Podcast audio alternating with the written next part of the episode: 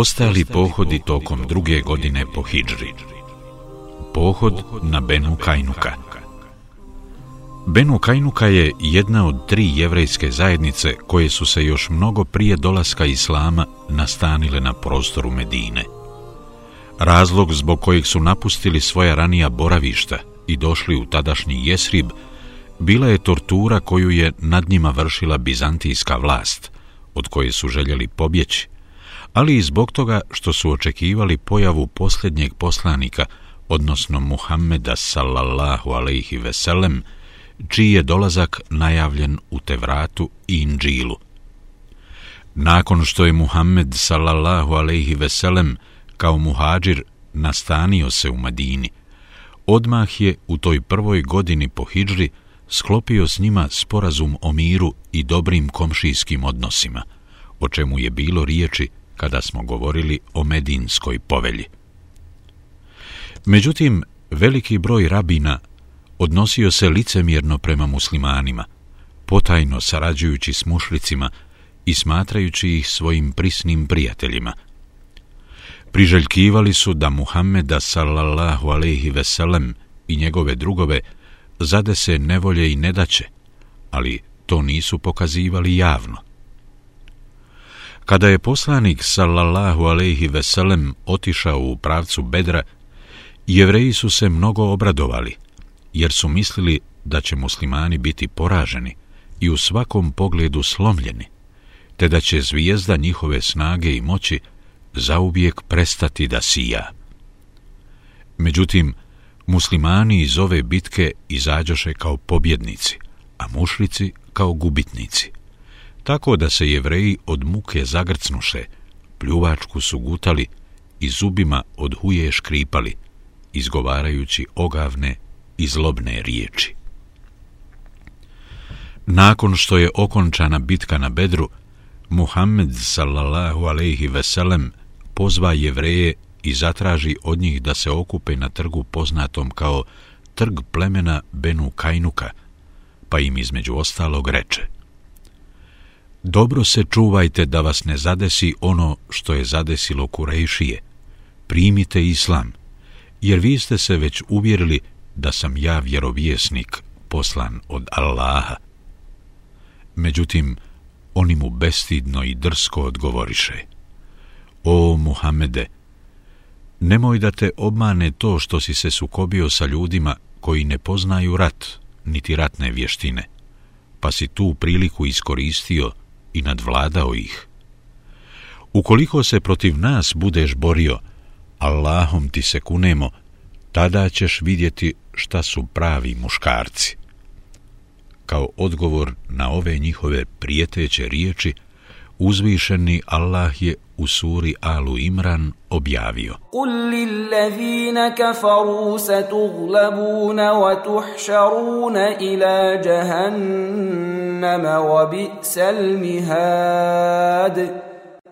قد كان لكم آية في فئتين التقتا فئة تقاتل في سبيل الله وأخرى كافرة يرونهم مثليهم رأي العين والله يؤيد بنصره من يشاء إن في ذلك لعبرة لأولي الأبصار Reci onima koji neće da vjeruju, bit ćete pobjeđeni i u džehennemu okupljeni, a on je grozno boravište. Imate pouku u dvijema vojskama koje su se sukobile, jednoj koja se borila na Allahovom putu i drugoj nevjerničkoj kojoj se činilo da pred sobom ima dva puta više protivnika. A Allah svojom pomoći čini moćnim onoga koga On hoće. To je zaista dalekovidnim pouka. Alu Imran 12 do 13 Dakle, uzvišeni Allah naredio je svome poslaniku da jevrejima nagovijesti skori poraz koji će neminovno doživjeti, što se u istinu i desilo. da ih obavijesti da će skončati u vatri, te da ih podsjeti na to da su njihovi bliski prijatelji i zaštitnici mušlici isto tako doživjeli poraz bez obzira na to što ih je bilo veoma mnogo i što su bili snažni i moćni. Nekoliko dana poslije ovog događaja jedna muslimanka dođe na pijacu, prodade zavežljaj robe koji je namijenila za trgovinu, a zatim ode do nekog zlatara jevreja kako bi od njega kupila nešto od nakita.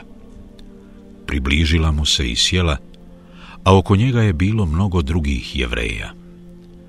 Kada su je vidjeli, počeli su je provocirati zbog toga što joj je lice bilo pokriveno. Zatražiše da otkrije lice što ona odlučno odbi, čuvajući svoju čast i čednost. Nije željela dopustiti da joj lice vidi i jedan muškarac koji joj nije mahrem.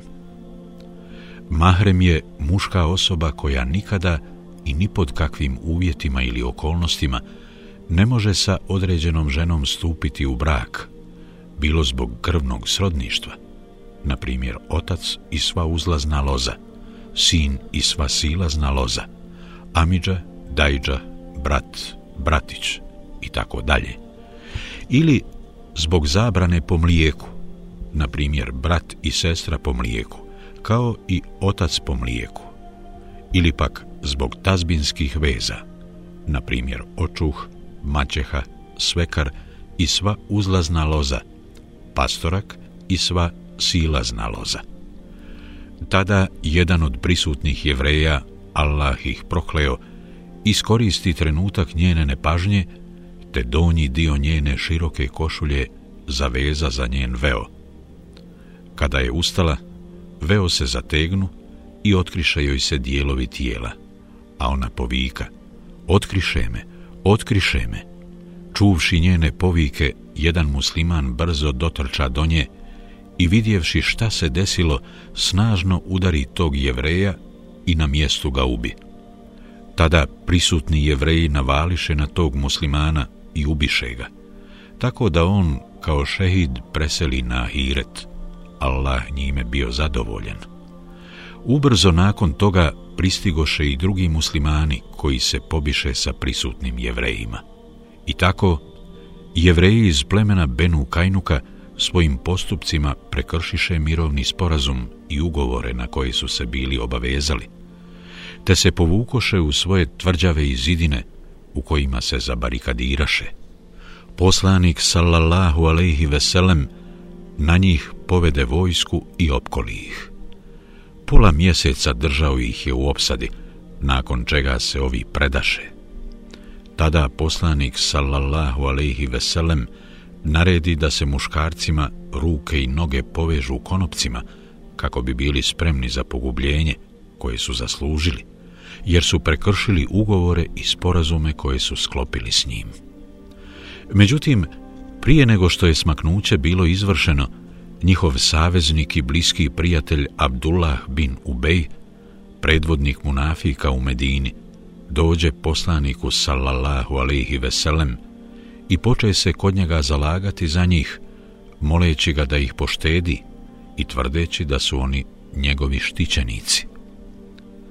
Poslanik sallallahu alejhi ve sellem naljuti se i reče, pusti me, teško tebi. Munafik ga je uhvatio za ogrtač i nije ga puštao, a poslanik sallallahu alejhi ve sellem uporno se i ljutito od njega okretao. Abdullah mu reče, neću te pustiti sve dok dobrostivo ne postupiš prema mojim štićenicima.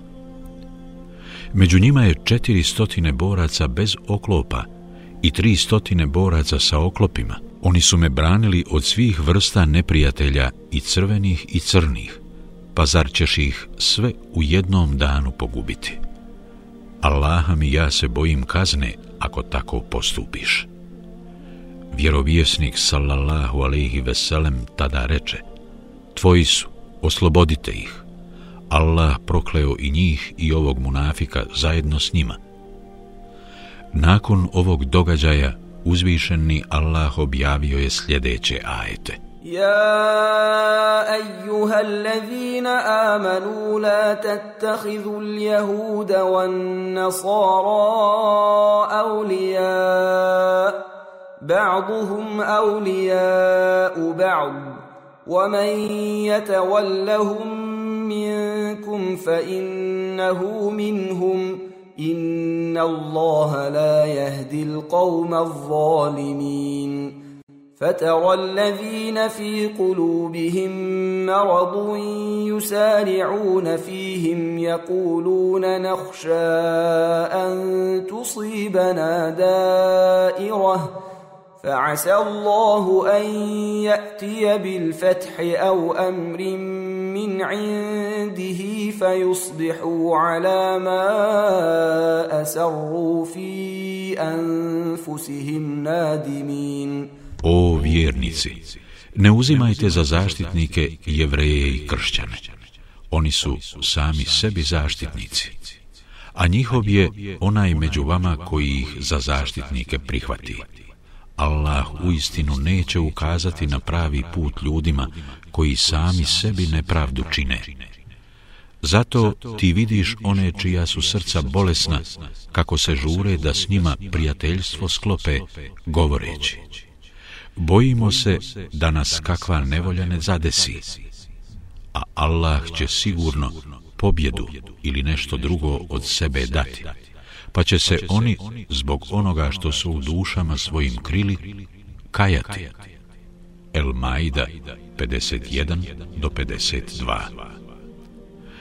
Ubrzo poslije ovog događaja došao je Ubada bin Samit radijallahu anhu, koji je također sa jevrejima plemena Benu Kajnuka bio vezan ugovorom o savezništvu, te poslaniku sallallahu alaihi sellem reče Allahov poslaniče, ja sam za zaštitnike uzeo Allaha, njegovog poslanika i vjernike, i ja se odričem prijateljstva i savezništva sa tim nevjernicima.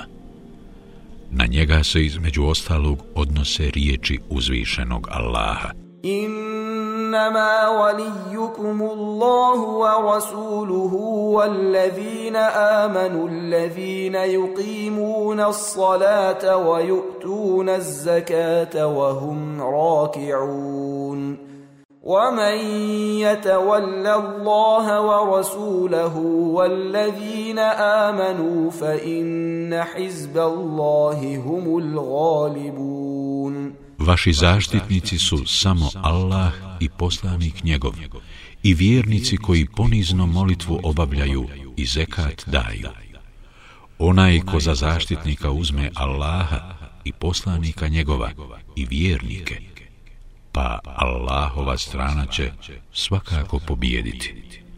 El Maida 55 do 56 Nakon što je poslanik sallallahu alejhi ve sellem posredovanjem i zalaganjem Abdullaha bin Ubeja oslobodio jevreje iz plemena Benu Kajnuka i naredio da budu protjerani iz Medine, Ubada bin Samit radijallahu anhu otpratio ih je sve do Zubaba, mjesta na periferiji Medine, odakle su sami nastavili dalje prema Ezrijatu u Šamu, gdje im se, nakon kraćeg vremena, sjeme zatrlo.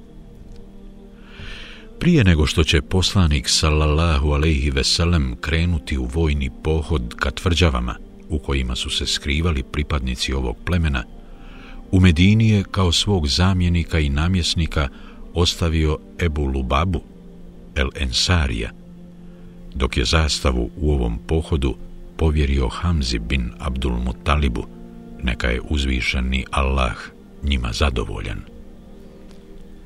Kada je protjerao pleme Benu Kajnuka iz Medine, Allahov poslanik sallallahu alaihi veselem raspodijelio je njihove imetke među ashabima, dok je za sebe zadržao petinu, koju je opet podijelio onako kako mu je to uzvišeni Allah naredio. Svevišnji Allah objavio je sljedeći ajet. Fa'lamu annama ghanimtum min شيء فأن لله خمسه وللرسول ولذي القربى واليتامى واليتامى والمساكين وابن السبيل إن I da od svega što u borbi zaplijenite, jedna petina pripada Allahu i poslaniku i rodbini njegovoj i siročadi i siromasima i putnicima. El Enfal 41 Na kraju nam ostaje da pojasnimo da li se ovaj pohod desio u mjesecu Saferu treće godine ili u mjesecu Ševalu druge godine po Hidžri. Prema odabranom mišljenju, ovaj pohod desio se u mjesecu Ševalu, odnosno odmah nakon bitke na Bedru, koja se, kako je opće poznato, odigrala u drugoj, a ne u trećoj godini po Hidžri.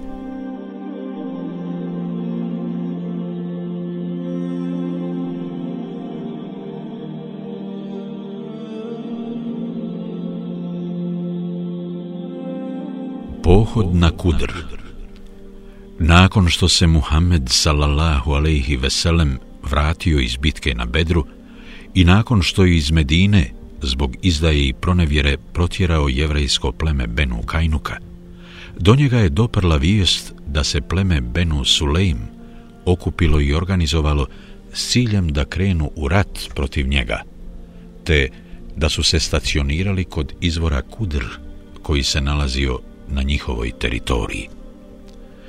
Poslanik sallallahu alaihi ve sellem u Medini kao upravitelja ostavi Abdullaha bin Umu Mektuma. Zastavu dade Ali bin Ebu Talibu radijallahu anhu, te se sa grupom ashaba uputi u susret ovom plemenu s namjerom da se s njim oružano obračuna. Butovao je tako sve dok nije stigao do izvora Kudr. Međutim, kod njega ne zatekoše vojsku, već samo pastire i stoku koja je pripadala ovom plemenu.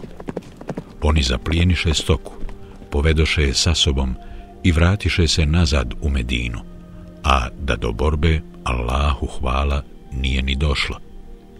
Nakon nekog vremena Allahov poslanik sallallahu alaihi ve sellem poslao je novu izvidnicu pod zapovjedništvom Galiba bin Abdullaha el-Lesija sa zadatkom da izvrše napad na plemena Benu Sulejm i Gatafan, što su oni i učinili.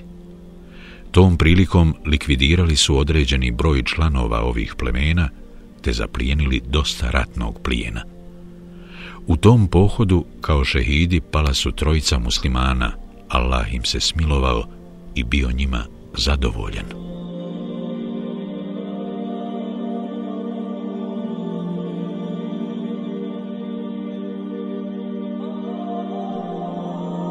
Pohod Sevik. Poslije poraza koji su Kurešije pretrpjeli u bici na Bedru, u kojoj su mnogi njihovi uglednici poginuli, a drugi pali u zatočeništvo, Ebu Sufjan se zarekao da svoju glavu neće oprati od džunupluka, odnosno da neće imati intimni odnos sa svojim suprugama, sve dok se oružano ne sukobi sa Muhammedom sallallahu alaihi veselem, te u duši ne osjeti spokoj i smiraj nakon što pobije i porobi Muhammedove drugove. Međutim, pošto nije našao načina da ispuni svoj zavjet, a već mu se odužilo s čekanjem, opremio je dvije stotine jahača iz Kurejša, te se na njihovom čelu zaputio ka Medini s ciljem da ih napadne. Kada je tokom noći stigao nadomak Medine, svojim ljudima je zapovjedio da ostanu mirni na svojim mjestima, a on je krišom otišao do Hujeja bin Ahtaba en Nadrija, jevreja iz plemena Benu Nadir, te mu pokucao na vrat, ali mu ovaj iz straha nije otvorio. Zatim je otišao kod Selama bin Miškema, koji je bio starješina i rizničar plemena Benu Nadir, te od njega zatražio dozvolu da uđe što mu on dopusti. Selamu bin Miškemu povjeren je zadatak da čuva dragocijenosti i metak članova plemena Benu Nadir.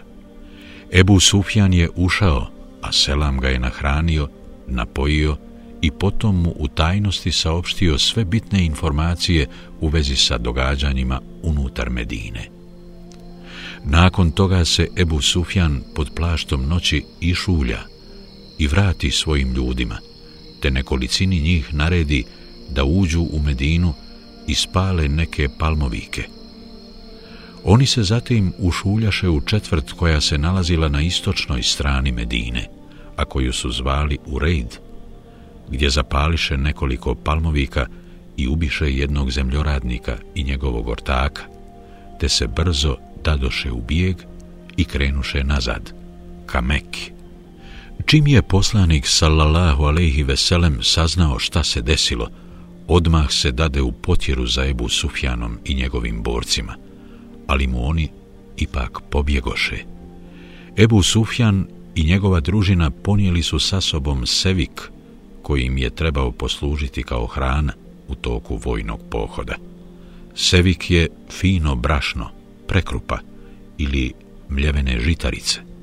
U nekim izvorima navodi se da je sevik posebna vrsta kaše koja se pravi tako što se prvo proprže pšenica i ječam, a zatim se samelju i pomiješaju sa mlijekom, medom i maslom. U svakom slučaju, radi se o vrsti hrane.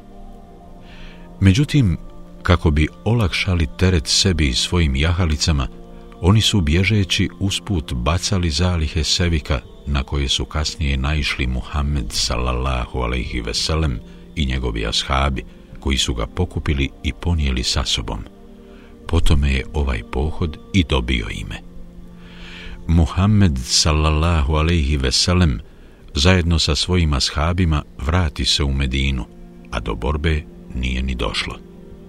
Neki muslimani upitali su poslanika sallallahu alaihi veselem da li bi volio da je došlo do borbe, a on je kratko odgovorio, da, volio bih.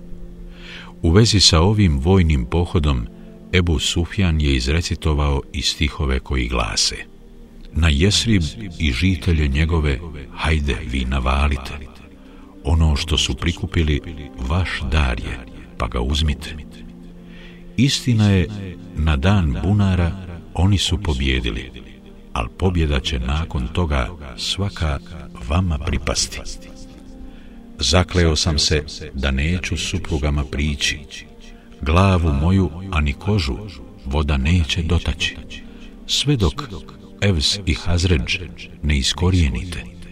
Srca nama za tim žude i za time plamte.